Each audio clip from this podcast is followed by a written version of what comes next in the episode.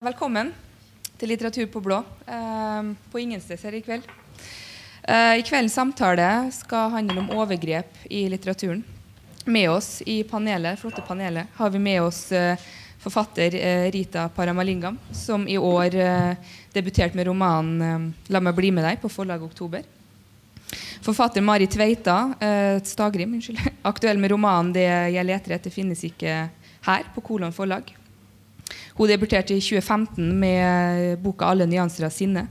Så har vi òg med oss uh, featurejournalist i VG, uh, Monica Flatabø, som har skrevet boka uh, 'En sånn jente', en dokumentar om voldtekt, på Vigmostad og Bjørge. Samtalen vi var i omtrent 45 minutter, og i etterkant så vil det være kan det tid til spørsmål. God fornøyelse.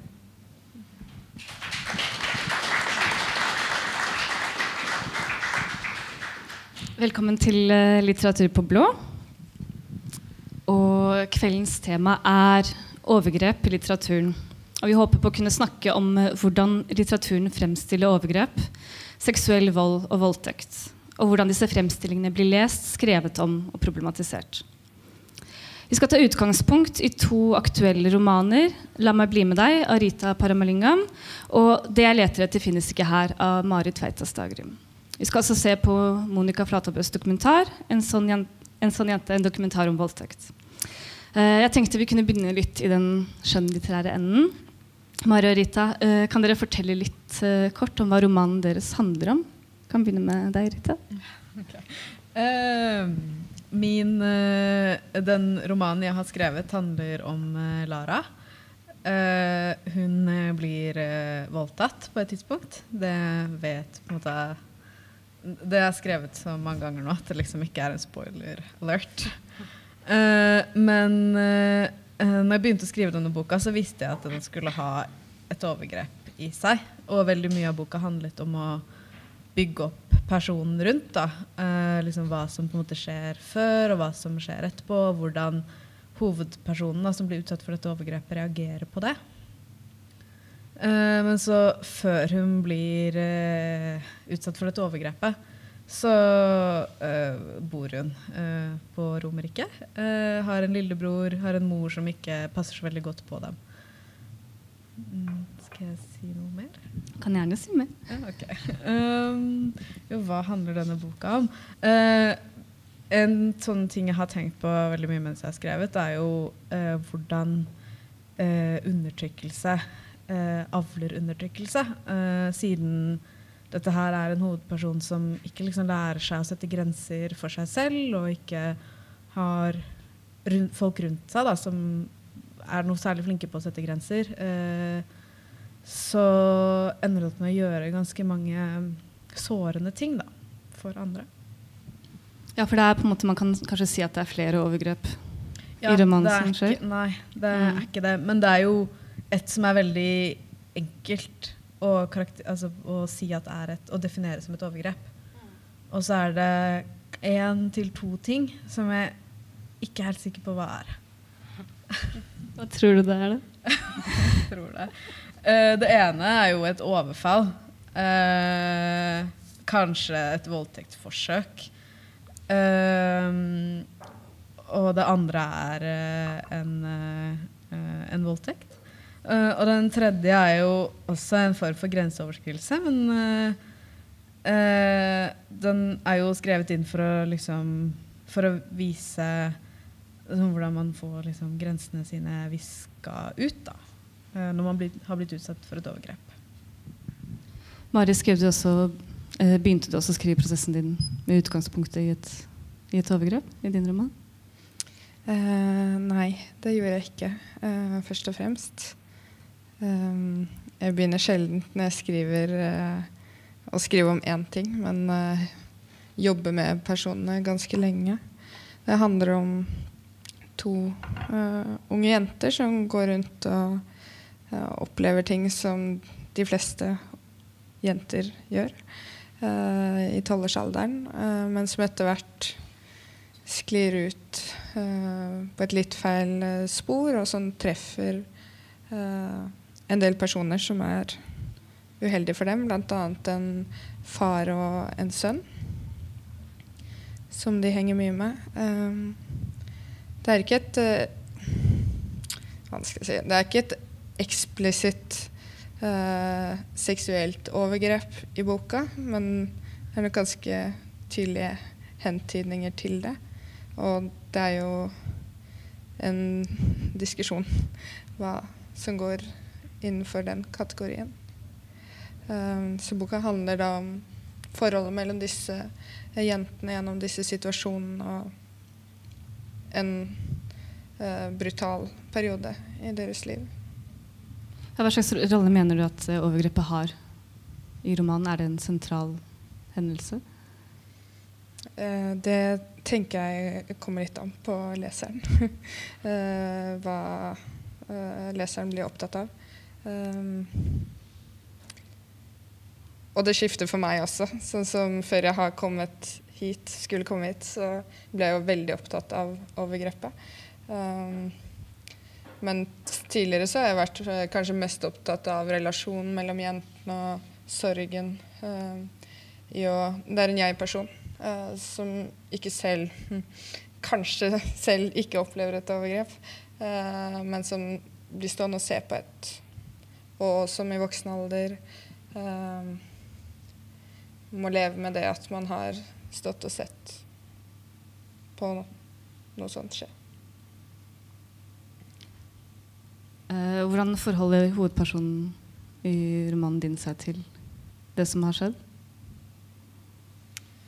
Um, hun, uh, hun, sier det jo ikke til noen. Jeg tror hun uh, sliter litt med å forstå hva som uh, Eller det er ikke noe jeg tror, jeg vet at hun sliter litt med å forstå hva som har skjedd. og hvordan hun skal si det.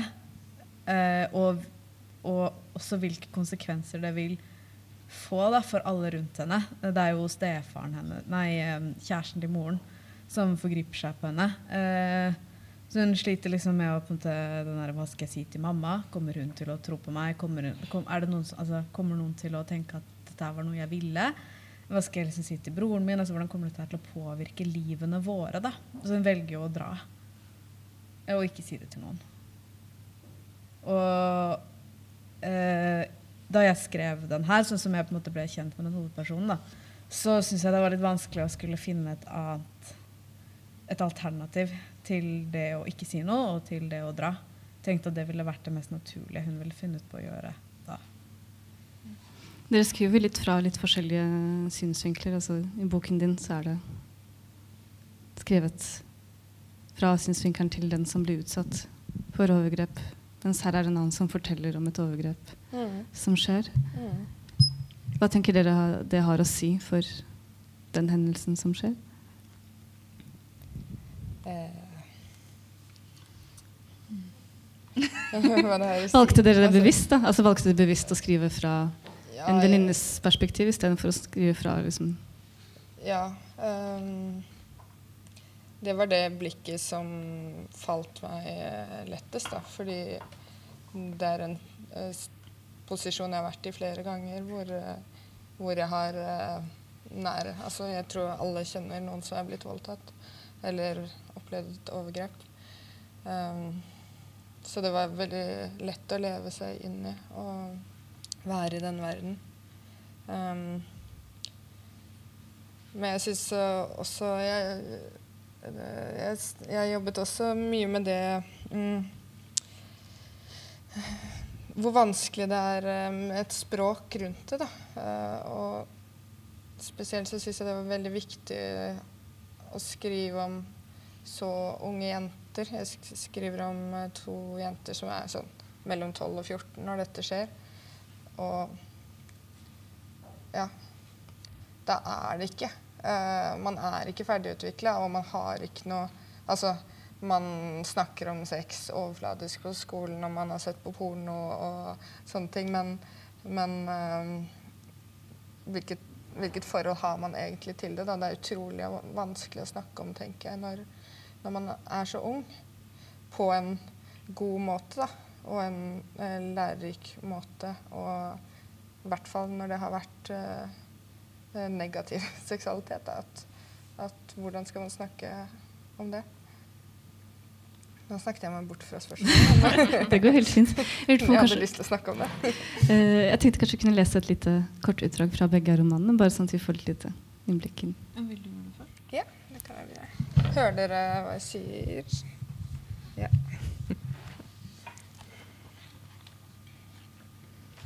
Jeg kommer til å hoppe ganske mye frem og tilbake, eller gå store Lese både begynnelse og slutt av boka.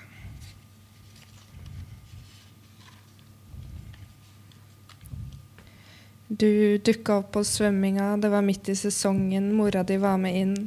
Hun snakka med treneren om at du hadde svømt der du bodde før, at du hadde gleda deg til å begynne igjen. Du var like lang som henne. Det våte håret klistra seg til ansiktet ditt, ramma inn de grønne øynene, den gylne huden. Jeg husker deg best i bilder. Badedrakta satt tett over kroppen din, en 13-åring i en voksen kropp. Du kunne like godt ha vært en av foreldra som en av oss. Du satt på kanten og hoppa uti. Stemmene fra de andre barna slo i veggene. Du svømte mot meg. Treneren blåste i fløyta, og så starta vi. Jeg var mye raskere enn deg. Jeg var raskest av alle. Kroppen brøyt mot vannet. Vannet slo i ansiktet hver gang jeg dukka under. Jeg jobba med hele kroppen for å øke farta. Spente musklene helt ut i beina. Jeg hadde større muskler enn de andre, en moden kropp. Magen var myk. Lårene runde. Kvisene dunka mot huden. Håret ditt delte seg i striper nedover ryggen når det var vått. Vi hadde pupper, hofter og lår. De andre jentene var fortsatt barn.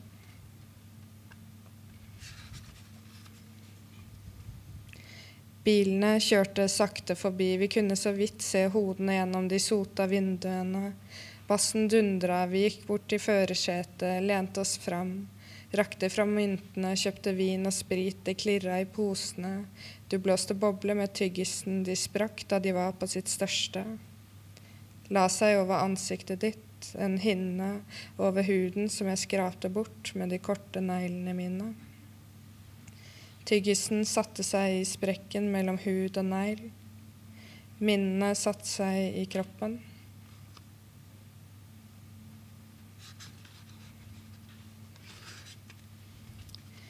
Faren til Sjur satt i stua, han klemte deg, du hadde møtt ham før, jeg kjente ingen som røyka inne, han satt med askebegeret på bordet, sneipende i et lite tårn, jeg tenkte at lukta ville sette seg i klærne, at mamma ville merke det, spørre hvor jeg hadde vært.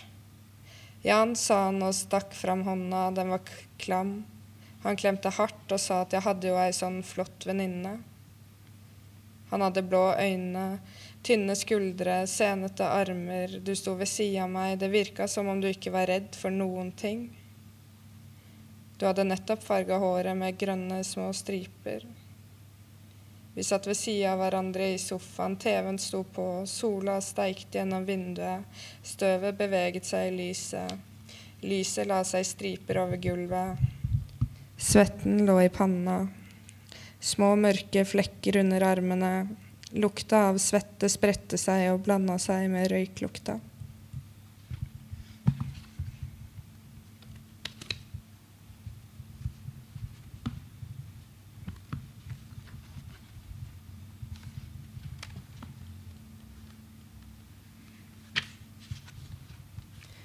Du reduseres kanskje i minnene mine.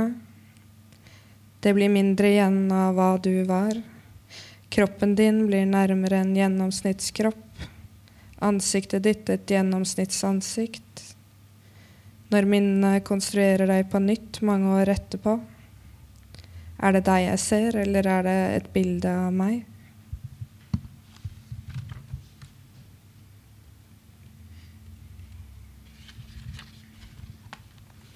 Læreren og rektor kom bort til meg i friminuttet. Sa at jeg måtte bli med inn, og først tenkte jeg at det hadde skjedd en ulykke. På kontoret satt en mann og to damer. De sa at Jan var anmeldt, men jeg husker ikke om de sa hvorfor. Jeg husker den blå genseren til rektor. Blyanten hun holdt i hånda, hun fikla med den hele tida mens de prata. Det gjorde meg sint. Jeg ville bare skrike. Jeg tok vannkaraffelen som sto foran meg, helte i glasset, helte over det rant vann utover hele bordet og ned på gulvet før en av damene stoppa meg. Rektor henta papir.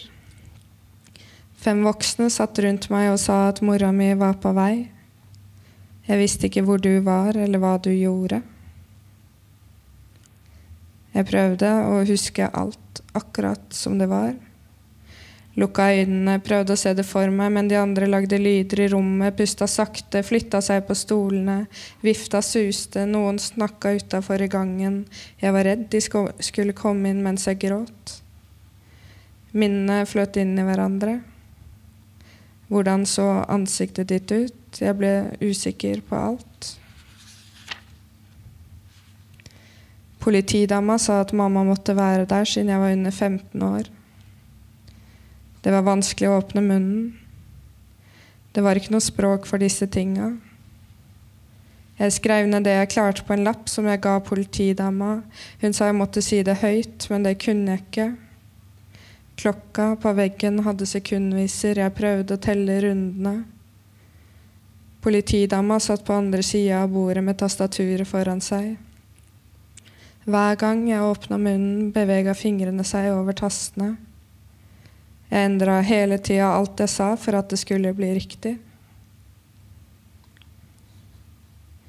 Jeg så de andre jentene i gangen på politistasjonen. Vi hadde politidamer som fulgte oss på toalettet så vi ikke skulle snakke sammen, så vi ikke skulle endre forklaringene, så vi ikke skulle finne på noe. Men hva skulle vi ha funnet på? Jeg hadde ingen historier jeg hadde lyst til å fortelle. Jeg tenkte på naturfagsprøve neste dag. Tenkte på celledeling, og fortsatt tenker jeg på deg hver gang jeg hører ordet.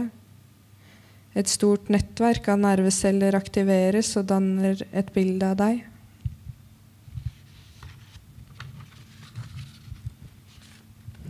Du banker i kroppen min. Du banka i alles kropp. Hjertet slår mot steinene. Steinene skraper mot huden. Skyene drar over himmelen. Minnene bryter mot dagen. Dagen bryter mot tankene. Hjertet bryter i brystet. Takk.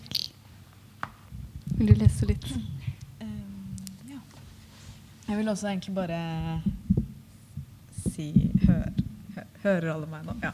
Uh, at dette her med uh, å skrive om så unge mennesker da, som opplever overgrep, er jo at uh, Jeg vet ikke med Mari sin roman, da, men når man er så ung, så har man jo ofte ikke så veldig mange andre seksuelle erfaringer. og da blir jo selv om jeg som voksen kan liksom si at overgrep har ingenting med sex å gjøre, eller seksualitet å gjøre, da, så er jo ikke det så lett å tenke når man er liksom 15 eller 12 da, og tenker at nå har liksom noen gjort noe seksuelt mot meg. da. Uh, og så tenkte jeg på dette her med liksom, hvordan det er å se på det. I den romanen jeg har skrevet, så er det jo en av de liksom, første måte, Noen av de første tingene som skjer, som er dramatisk, er at hun Lara ser venninna hennes um, eh, blir overfalt av to gutter som er ganske kjipe. Eh, og det står hun jo også og ser på. Og hun tenker at hun har lyst til å stikke derfra og ikke har lyst til å liksom, provosere dem da, til å gjøre noe mer. Eh, imens hun venninna ikke ser det på samme måte. Så hun sliter jo veldig mye med liksom, den skyldfølelsen av å stå og sett på noe, men samtidig også være liksom, indignert den følelsen av at ja, men jeg gjorde alt riktig, jeg gjorde liksom det beste. Jeg lot være å gjøre noe fordi det var det riktige i den situasjonen, da, som jeg tror liksom, gjenspeiles i hvordan hun reagerer på det overgrepet som, blir, som hun utsettes for senere. Ja. Nå skal jeg lese. Hadde du lyst til å si noe? Jeg vil gjerne høre deg lese. Det er forventet av oss at vi ikke går inn på rommet hennes. Hun må ha sagt til oss en eller annen gang at det ikke er et sted for oss. Jeg har bodd i dette huset hele livet. Jeg kan ikke huske annet enn dette og sove på dette rommet med Felix, men det er en barnekrybbe på loftet jeg vet vi må ha brukt. Rommet vårt er lite, i hver ende står en enkeltseng. To små hyller henger på hver side av døra, og et skap dekker den lengste veggen. Mellom sengene våre er et vindu med hvite, blonde gardiner. Frem til han begynte å dytte meg ut av senga i søvne, pleide Felix og jeg å sove i samme seng.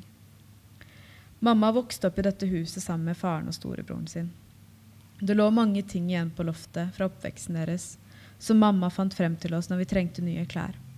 Hun sa at det fikk duge, at gamle ting er bedre laga, at det ikke er noe vits å kjøpe nytt, at det bare vil bli ødelagt igjen med en gang.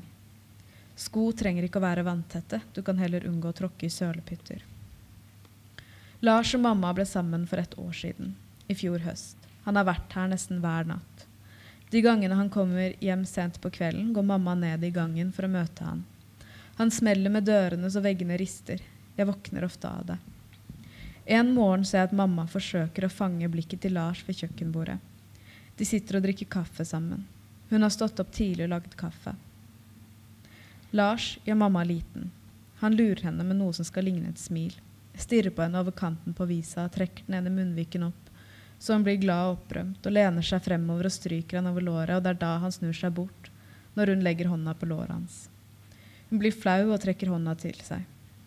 Jeg ser hvordan mamma sirkler rundt han, venter på å kunne feste blikket i øynene hans, men han ser rett forbi henne, setter blikket sitt bak henne. Jeg har sett det noen ganger før jeg skal til skolen og Lars gjør seg klar til å dra på jobb. Mamma pleier å komme ned for å gi henne et kyss. Jeg tror ikke hun vet at jeg har lagt merke til det, at før kysset hever han det ene øyebrynet, som om hun har gjort noe galt. Når de omsider kysser, er han alltid den første som trekker seg tilbake, og mamma står hengende igjen med lukkede øyne før kysset er ferdig, er han borte. Jeg unngår å bruke kjøkkenet når jeg hører at de er der inne. Jeg har begynt å stå opp halv sju for å spise, smøre en brødskive til Felix og tar den med inn til han. Kler på meg og hører at mamma og Lars har gått inn på kjøkkenet. Når jeg hører pipet fra vannkokeren, går jeg og kler på meg yttertøyet i gangen. Da vet jeg at de blir der inne til jeg har drukket opp kaffen. Jeg slipper å møte på dem i gangen. Dette har gjort at jeg kommer til skolen en halvtime for tidlig. Men biblioteket er åpent og ligger på veien dit. Der leser jeg lekser før jeg drar på skolen. Det pleier ikke å være andre enn meg, bibliotekaren, så tidlig på dagen. Hvis hun spør hva jeg gjør der så tidlig, skal jeg si at jeg bor langt unna, at bussen bare går én gang i timen. Takk. Monica, du har skrevet en eh, bok hvor du lar flere overgrepsutsatte kvinner komme til orde med sine historier. Kan du fortelle litt om bokprosjektet ditt, og hvordan det har vært å formidle disse sterke og ofte grusomme historiene?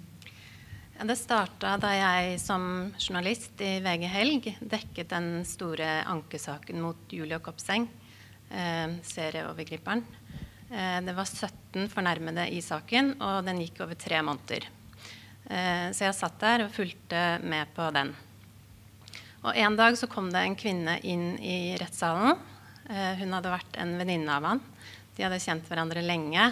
Eh, de kalte hverandre for bror og søster, fortalte hun.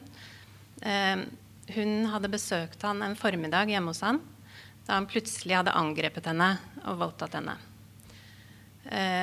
Etterpå, sa hun, så var hun forvirret. Hun lurte på hva som egentlig hadde skjedd.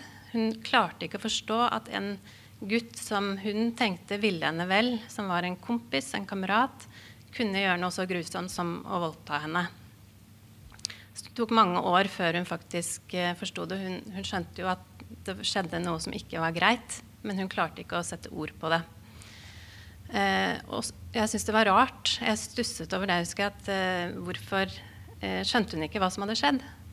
Men så de neste ukene så kom det flere kvinner inn i salen, og de sa akkurat det samme. De var forvirret. De, de skjønte ikke helt hva han hadde gjort. Eh, dette var kvinner som var altså Den yngste hadde vært 15 år da overgrepet skjedde. Den eldste hadde vært i 40-åra. Eh, og mange hadde da problemer med å sette ord på hva han hadde gjort mot dem, fordi eh, han Det var ikke det bildet de hadde av en voldtektsmann. Han var snill, han var omtenksom. Etter overgrepet så kunne han spørre om det var deilig, om han skulle hente et glass saft, om de ville ta en dusj, om de skulle møtes igjen. Sånn at alle disse tingene gjorde, bidro til å gjøre dem forvirra. Og der startet min nysgjerrighet. Hvorfor klarte de ikke å sette ord på det de hadde vært igjennom? Hvorfor var de så usikre? Så der startet hele bokprosjektet mitt. Og resten av boka den, den tar for seg mange historier. Jeg går inn i et uh, ungdomsmiljø på en kommune på Østlandet hvor eh, det er mange eh, tenåringsjenter, eh, ganske unge, sånn som dere snakket om, 13-14 år, som opplever overgrep av kameratene sine. Og også de er forvirra, usikre. De forstår ikke helt hva som har skjedd. De kan ikke forstå at en gutt de har kjent siden kanskje barnehagen, eh, barneskolen, kan ha gjort noe så fælt som å voldta. Eh, mange sier at jeg, jeg, tror ikke han er en voldtektsmann, er det mange av venninnene i gjengen som, som sier. Og så forteller jeg historien til Marte Stavrum, som, er, eh, som var eh, ekssamboeren til Julia Kopseng. Jeg skriver også om sånne sovevoldtekter som er eh, voldsom økning i anmeldelser nå. Så det er, også skriver jeg om Andrea Wold Voldum, jenta fra Hemsedal-saken, og om hvordan livet hennes ble påvirket av at hun sto frem. Det er jo veldig mange kvinner som ikke gjør det, nettopp fordi det er mye skam. Eh, men hun valgte å stå frem for hele Norge, og det har jo også hatt sin pris for henne. Når du snakker om disse ungdomsmiljøene, kjenner du igjen det de sier i forhold til Jeg kjenner igjen det at det kan være veldig vanskelig å sette ord på hva som egentlig har skjedd. Fordi veldig mange av de unge som jeg har snakket med, de hadde et veldig stereotypt bilde av hva en voldtekt var. De forklarte meg at eh, en ekte voldtekt, som de sa, en ekte voldtekt, det er et overfall i mørket av en fremmed mann. Det er mye vold, det er brutalt groteskt. Og det samsvarte ikke med det de hadde opplevd. Disse jentene opplevde overgrep, gjerne i forbindelse med fest, som jo er de aller fleste voldtektene som blir anmeldt i Norge i dag, er festrelaterte voldtekter. Det var gutter de kjente, det var gutter som var hyggelige, sympatiske, greie. Gjerne ganske populære gutter. Sånn at eh, for dem å forstå, eller egentlig sette ord på at det hadde vært en voldtekt, var vanskelig. De sa 'jeg liker ikke å bruke voldtekt', var det veldig mange som sa. Vi liker ikke å bruke det ordet, for det er ikke noe som skjer med meg. Det er ikke noe som skjer med mine venninner. Sånn at de, de ville ikke bruke det ordet, rett og slett. Hva tenker dere som hva slags uh, muligheter åpner skjønnlitteraturen for å kunne liksom, behandle sånne type tematikker? Opplever dere det som et slags sånn frirom, eller? Det er jo en måte å snakke om eller skrive om det som er vanskelig, da. Um, men etter å ha lest boka di, så tenker jeg jo at det, det er jo ikke bare skjønnlitteratur som uh, kan gjøre det. Jeg syns det var veldig fint å også lese en dokumentar om det, for jeg har jo tenkt veldig mye på det i forbindelse med min bok. Men uh, når du hadde snakket med flere personer, så ble det så tydelig at det er så mange ting som er like, da, og som ikke er uh, Ja. Uh, kun sånn jeg opplever det, da. Men at det er en trend, faktisk. Men mm. litteratur eller skjønnlitteratur er et sted hvor man kan undersøke ting som er vanskelig å snakke om, og også mm, tenker jeg i hvert fall med min bok, da, hvor ikke overgrepet i begynnelsen var det sentrale. At man kan skrive seg frem til noe viktig da, uten å si eh, jeg har skrevet en bok om et overgrep, eller jeg skal skrive en bok om det. Men um, det er noe som skjer med mange, og um, på den måten så blir det også en naturlig del av en bok. Da. Hvis man har opplevd det, eller uh, opplevd at noen man kjenner, har opplevd det i livet sitt.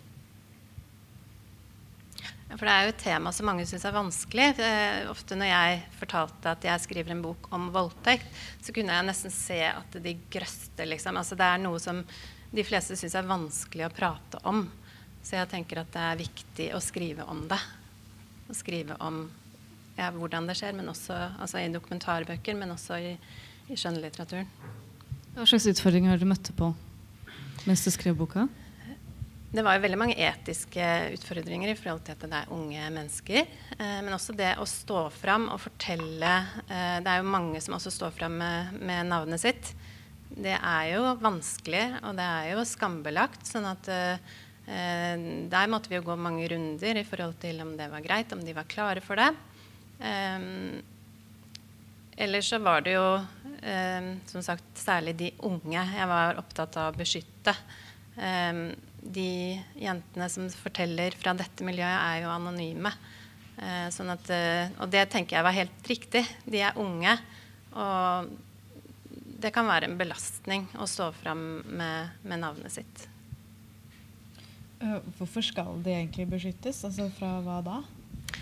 Nei, altså Jeg tenker at uh, de er jo 18-19 år. Og da tenker jeg at Ehm, det er jo et personlig valg. Altså ønsket de det. Jeg, jeg lot det være opp til dem.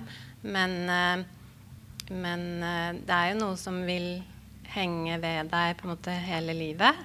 Eh, sånn at du må være veldig klar for det, og du må forstå hva det vil si, tenker jeg. Hvis man vil det, hvis man ønsker det, så er det jo selvfølgelig helt greit. Men de jeg snakka med, de landet på at de ikke ønsket det nå. i denne omgangen. De ville gjerne fortelle historien sin, men de ønsket ikke å stå fram med navn, da. De helt unge. Jeg tenker Når man skriver en, en sånn bok, så kan det kanskje være vanskelig å liksom vite hvor mye man kan problematisere det som har skjedd, da, og at det er viktig å på en måte ha full tillit til offerets fortelling. Hva, har du noen tanker om det? Altså, mitt prosjekt i boka var å fortelle ofrenes historier. Eh, at de skulle få lov til å fortelle hvordan de opplevde det. For det er jo et problem i Norge i dag at vi hører veldig få slike historier nettopp fordi det er så skambelagt. Veldig mange forteller jo aldri noe til noen. Til og med ikke venner eller familie om sånne overgrep. Så det er vanskelig å snakke om. Og jeg tenker at det er vel den eneste måten vi kan lære hva en voldtekt er, og hvordan det kanskje kan føles, nettopp ved å fortelle. Så jeg tenker at uh, det er veldig få. Det er jo en av de vanskeligste tingene som journalist å få noen til å ville fortelle om altså, slike historier. Sånn at uh, jeg tenker at uh, det har vært et viktig prosjekt for meg i den boka. Ja, jeg tenker på det du sa om at det er jo flere i boka di som også sier at de ikke vil kalle det en voldtekt. Mm folk vil ikke engang ta ordet i munn, sin munn. Det tenker jeg er et ganske sterkt signal om hvor vanskelig det er å si noe om det, da, og hvor mye man trenger å snakke om det. da. Og det gjelder særlig de unge. Og det syns jeg også er eh, alarmerende. At eh, det er særlig de unge som har det stereotype bildet av en voldtekt. Og det er særlig de unge som ikke vil bruke ordet voldtekt. For som de sier, det er ikke noe som skjer med meg, det er ikke noe som skjer med mine venninner. Men det er jo faktisk eh, kvinner under 18 år, eller ja, fra 14 til 18-19 år, som er mest utsatt. Så, så, der har vi en lang vei å gå, tenker jeg. Å snakke med dem om det. De lærer jo heller ikke om det på skolen. Jeg spurte alle jeg intervjuet, enten det var fagkilder eller eh, kvinner som ville, skulle fortelle historien sin, om de hadde lært om seksuelle grenser og voldtekt på skolen.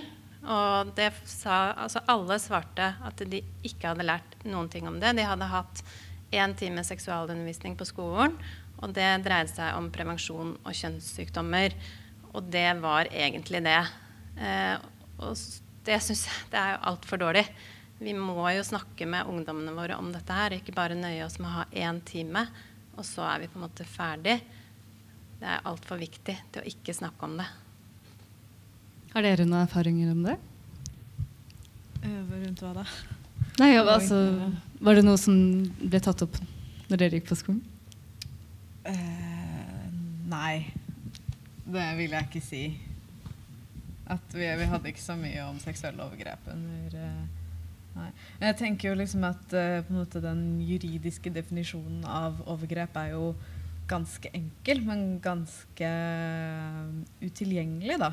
Og det er liksom eh, veldig vanskelig å på en måte skulle på en måte forstå de ordene som liksom samtykke, overgrep, eh, penetrering, alle de tingene der, da, som også Ja, jeg vet ikke. Eh, da jeg men sånn som disse spørsmålene om liksom, hvordan man kan jobbe med overgrep i litteratur, da, så tenker jeg at da slipper man jo forholde seg til alle de definisjonene som liksom resten av verden har. Da. For det er liksom sant at hun blir voldtatt, og det er sant at hun har det sånn som hun har det. Da er det liksom det jeg fokuserte på å skrive om, i stedet for å liksom kalle det for en voldtekt eller finne ut av hva det var. da, Som du fort må gjøre hvis du klarer å komme over den terskelen det er å faktisk anmelde noen noe, eller si det til noen. da. Så forventes det liksom at du skal ha klart å definere det på en helt annen måte.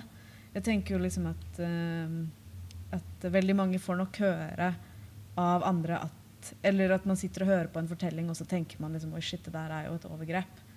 Uh, mens den andre personen kanskje liksom snakker om det på en helt annen måte. da. Men for den som sitter og hører på, så er det sånn OK, du hadde ikke lyst, du ble tvunget til det. Men jeg vet ikke, det må kanskje til da, noen ganger. Jeg vet ikke om du har noen erfaring med det etter å ha jobbet med Eller snakket med ungdommer, da. Ja, altså Det jeg erfarte, var at de snakker veldig lite om det. Um, og i akkurat det miljøet som jeg gikk inn i, så var det jo også sånn at de, det var et, en veldig selvjustis i den gruppa, eller i det miljøet. Man skulle ikke snakke med de voksne om dette. Man skulle ikke sladre. Dette her på en måte, det blir i gruppa. Sånn at eh, Og de hadde jo lukkede grupper på Facebook, på Instagram, eh, hvor det delte var mye deling av bilder og videoer også. Ehm, sånn at eh, de hadde på en måte ingen å snakke, snakke om med dette om.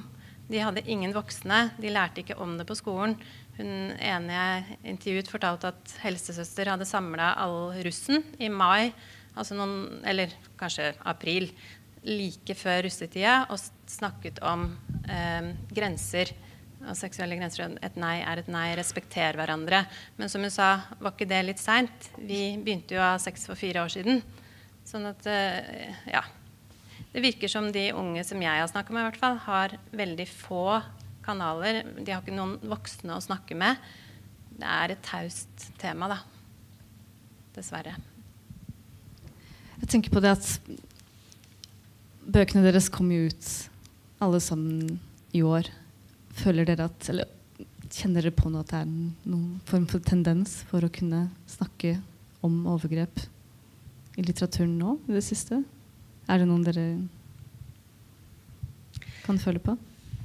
Altså, jeg, jeg tenker jo at uh, det som skjedde i fjor med den store Kopseng-saken og Andrea Wold Voldum, det åpnet jo opp for en diskusjon og et fokus, tenker jeg, rundt eh, Det var jo litt av derfor jeg skrev boka også. Eh, så jeg syns vi har begynt å snakke mer om det. Eh, og jeg tror at det kan bli lettere for andre kvinner også å fortelle historien sin. Ikke nødvendigvis i en bok eller i en avis, men også til andre mennesker. Og ikke sitte så veldig alene med det. Så jeg tror, jeg håper, at vi er på vei. Og det at eh, Ja, at man får opp bevisstheten. Og eh, det jeg skriver litt om, er eh, en voksen person som uh, Hvor det kanskje har tatt uh, ti år da, før uh, hun skjønner hva hun har vært med på. Og ved å lese om at andre også har sånne erfaringer, så kanskje eh, man vil eh, forstå at det kan være eh, det er ikke alltid så tydelig. Da. Eh, Det går jo igjen at det,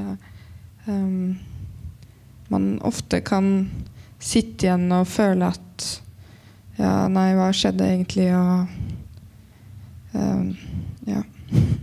Ehm, det ble veldig tydelig for meg e- etter jeg hadde skrevet eh, boka, at, at det å forstå hva man er blitt utsatt for, er en eh, lang prosess. Og når den prosessen er ferdig, så har du kanskje ikke lenger noen bevis.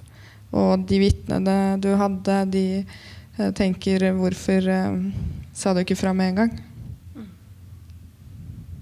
Det Ja, det er også noe jeg skriver om i boka. Alle de måte, forventningene vi har til eh, kvinner, om hvordan man skal reagere f.eks. på et overgrep. Som en av de jentene jeg intervjuer, hun, eh, hun eh, var 14 år da hun ble dratt eh, Hun var på fest med venner, men litt eldre gutter. Eh, hvor en av disse guttene kommer bort til henne og tar henne opp i armene sine ut i en hage, hvor det kommer da en annen gutt tillegg, sånn at hun er alene med, med to gutter. Eh, hun blir så redd at hun går inn i en sånn frysreaksjon. Eh, etter hvert så kommer det mange fra den festen og står og ser på. Og de tenker kanskje at de ser på sex. Eh, og etterpå så kommer det en gutt bort til henne og sier 'Shit, hadde dere sex nå?' Og hun sier 'Jeg tror kanskje det'. Fordi hun, ikke helt, hun skjønner ikke helt hva hun har vært med på. Og hun vet ikke at det er et, en voldtekt. Hun, hun, tror kanskje det kan være sex. Um, ja. Nå snakka jeg meg litt bort, kanskje. Men uh, Ja, nei, jeg bare uh, tenker at liksom når det er så vanskelig å skulle definere Det å, det å definere en voldtekt er liksom tydeligvis i seg selv en ganske stor handling, da. Uh, og for oss som på en måte leser denne boka jeg har skrevet, så er det jo veldig tydelig at det er et overgrep. mm. Men mens jeg skrev den, så var det viktig for meg å tenke at hun vet jo ikke selv mens det skjer, Mm. at det er en voldtekt. da. Så jeg tenker liksom, kanskje det er liksom tilfeldig at vi har gitt ut Eller at det har blitt kommet ut liksom tre bøker om måte liksom samme tema samtidig. Mm. Eh, men jeg husker liksom at jeg det når jeg fikk med meg den saken til Andrea Vollum, Mm. at jeg syntes det var skikkelig vondt og skikkelig vanskelig. Og det er ikke sånn at liksom Jeg tror ikke liksom det slutter å bli det da, når man hører om sånne saker. Mm. Men jeg tenker at for de som disse tingene her skjer med eller har skjedd med, så er det greit at man på en måte produserer litteratur da, eh, som handler om de tingene. Mm. Som også på en måte viser at andre mennesker går gjennom de samme følelsene. Da, ved liksom slite med å sitte, sette ord på det og ikke vet hvem man skal si det til. Og at, som, det å på en måte få hjelp da ikke er et alternativ i det hele tatt. Mm.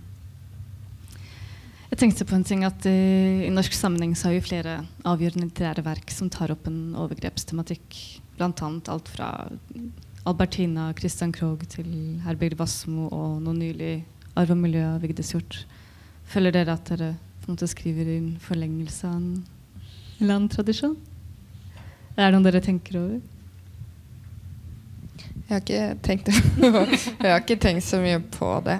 Uh, men jeg, jeg har tenkt litt på det etter, etter jeg ga ut denne boka. Så jeg tenker litt på det. Jeg syns, syns det er øh, kanskje ikke så mange øh, skildringer, men noen skildringer. Og de syns jeg er øh, veldig gode, mange av de, og veldig nødvendige og veldig, har vært veldig viktig for meg å lese. Jeg syns liksom at eller sånn Når det er så mange som opplever overgrep, da syns jeg det er nesten er rart at det ikke skrives flere bøker om det. egentlig. Og så er det jo liksom sånn at når man Jeg visste jo ikke at det skulle skje når jeg skrev den her, men man blir liksom veldig fort liksom stemplet som sånn der Å, du skriver om voldtekt.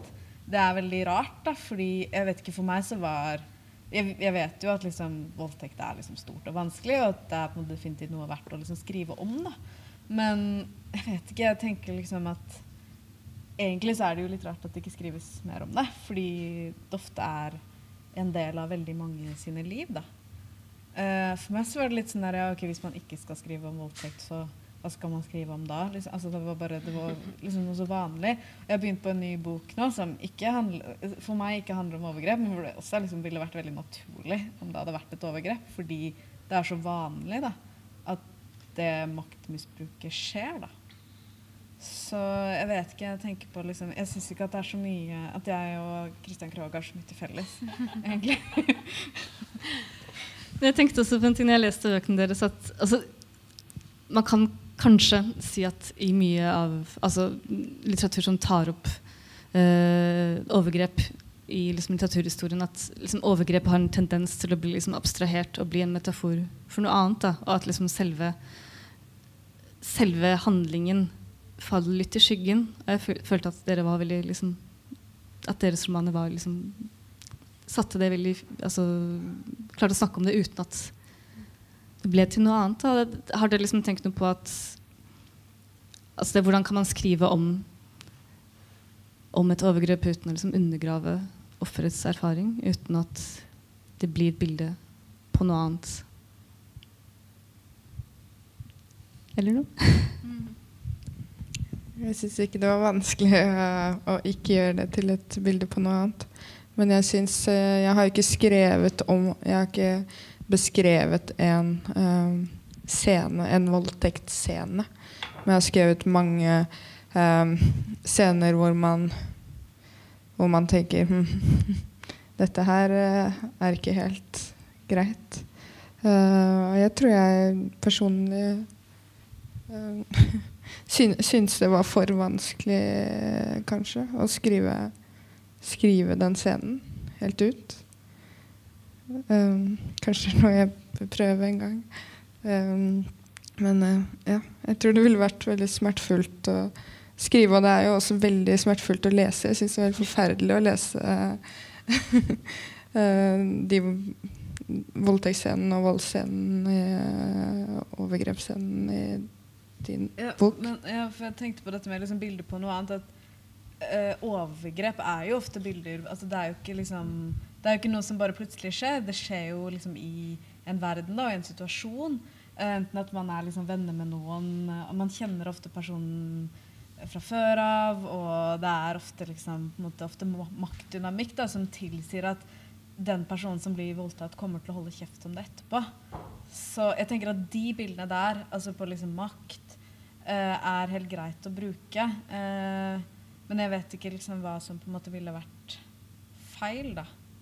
Uh, vi, altså, jeg, tenkte på spørsmålet ditt, at det, det virka som du hinta til at det, kan, at det bildet kan bli misbrukt på en eller annen måte. Eller liksom Man kan føle at man liksom må sympatisere med uh, den som begår overgrepet, på en eller annen måte. Det er jo veldig lett at det også skjer. Eller det er enkelt å gjøre det sånn. Det er ikke så, er ikke så vanskelig å skrive om på en måte, folk som føler seg berettiga til andres kropper heller. Uh, jeg syns ikke at det var så vanskelig å skrive den scenen, faktisk. Uh, jeg syns egentlig at det var det Jeg syns ikke at det var lett, liksom, men jeg syns ikke at det var så vanskelig, fordi som sagt, da, det er så teknisk. Altså det overgrep som skjer, det er så teknisk. Det er liksom noen som blir tvunget til det, og jeg vet at hun ikke vil det, men det var liksom alle følelsene rundt det som var vanskelig. da.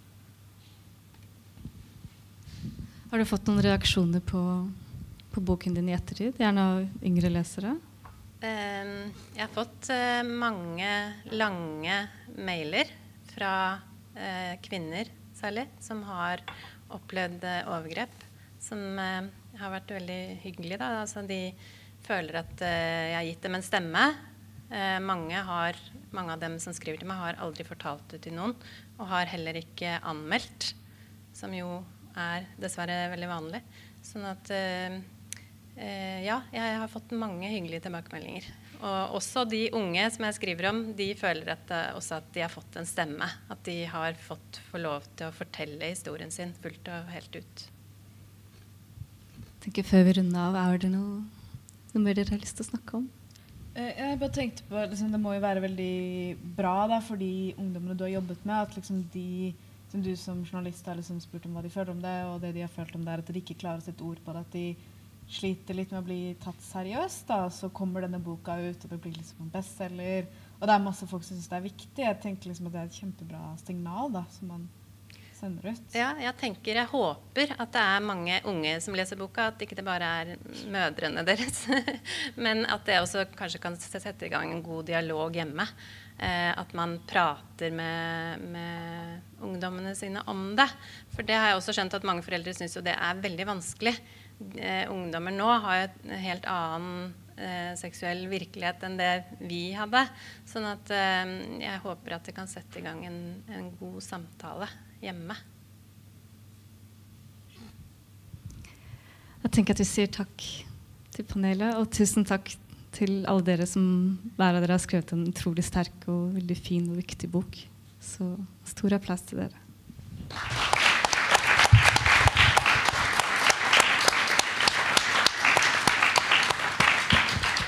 Eh, da åpner vi for spørsmål fra salen, hvis det er noen spørsmål fra salen.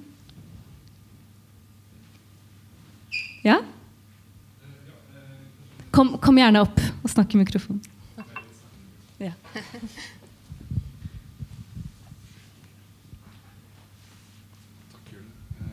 Eh, Så dette er kanskje et spørsmål rettet til eh, Monica. Eh, Når du nevnte disse overgrepene som skjer mot jevnaldrende i ung alder, så lurte jeg på om du fikk noe inntrykk i å arbeide med denne boken hvordan disse overgriperne på lav alder ser seg selv eller ser sin egen handling? Dessverre så var det ingen av eh, guttene som ville gi meg, snakke med meg. Eh, Jeg hadde lenge kontakt med en av dem som valgte å trekke seg av hensyn til familien.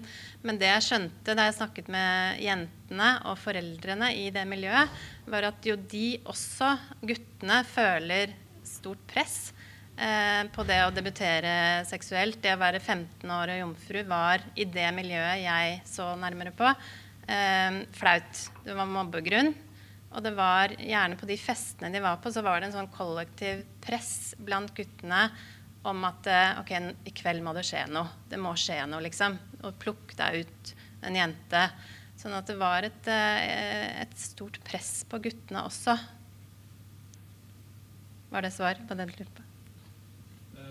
ja, jeg vet i det vi i ettertid kanskje man skulle liksom Verken det skjedde at de så at det var galt, om de på en måte så En av Ja. Um, I dette miljøet som jeg skrev om, så blir det jo en, en stor rettssak nå i, i høst, i november. Så jeg tror nok de kanskje har innsett at de har gjort noe galt.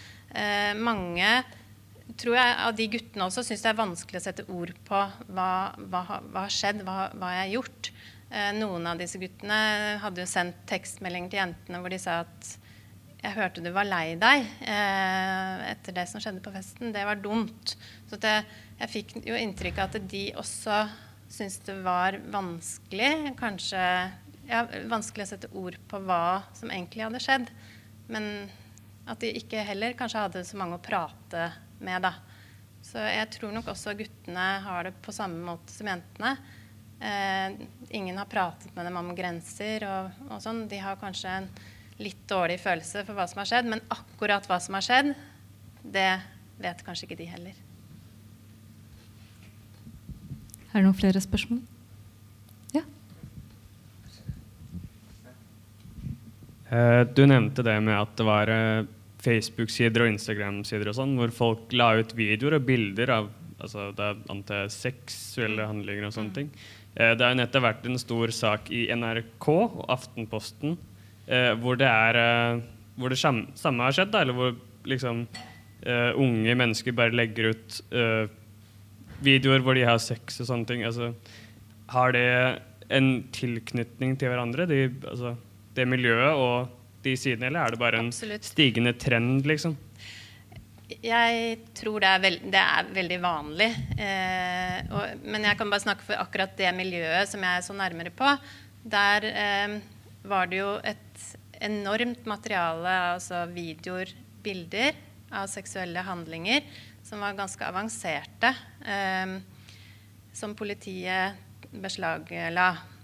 Eh, og det var eh, Nå skal jo den rettssaken være i høst, så da får vi se hva som skjer. Men det er eh, handlinger politiet mener er voldtekter. Eh, også gruppevoldtekter som er filmet og så delt. Og en av de jentene jeg eh, intervjuet, hun opplevde jo at hun, som hun forteller, da, ble voldtatt. Hun var 14 år eh, og var veldig, veldig full. Så hun eh, på en måte gikk inn og ut av bevissthet. Men at det skjedde en voldtekt på en fest. Eh, det ble tatt et bilde av henne som var veldig spesielt. Så hun fikk et kallenavn på bakgrunn av det bildet. Og det bildet forfulgte henne i årevis etterpå. Hun var 14 år da det skjedde. Eh, Da hun begynte på gymnaset, eller på videregående, så eh, ble hun konfrontert av en ukjent gutt i skolegården. 'Er du?' Og så sa han det kallenavnet. Og denne gutten forfulgte henne i et halvt år. Satte seg ved siden av henne på en benk i skolegården. Begynte å sende snap av henne. 'Her er hun jenta som alle' altså, Og det bildet ble bare spredt fra kommune til kommune. Og fremdeles blir hun konfrontert med det bildet. Nå er hun 19 år. Så det, ja, det er et stort problem. Jeg tror mange tenker på det som en spøk. Eh, jeg tror ikke de innser hvor alvorlig det kan være for den personen som blir rammet. Og et bilde som blir spredt, det blir ikke borte. Det er der. Ja.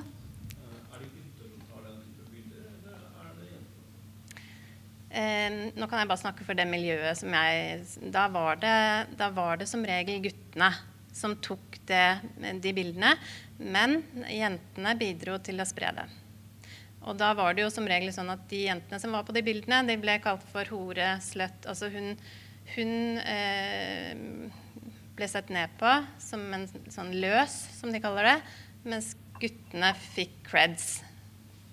Så det kjønnsrollemønsteret i det miljøet jeg så nærmere på, hadde jo gått helt feil vei. Og det bekrefter også en stor undersøkelse som Redd Barna gjorde for tre år siden. Eh, det, har dessverre gått i feil retning. Jentene har et veldig, veldig lite spillerom. Eh, mens guttene har det presset på seg da, om at de skal drive med det som heter masesex. Altså de skal være pushy.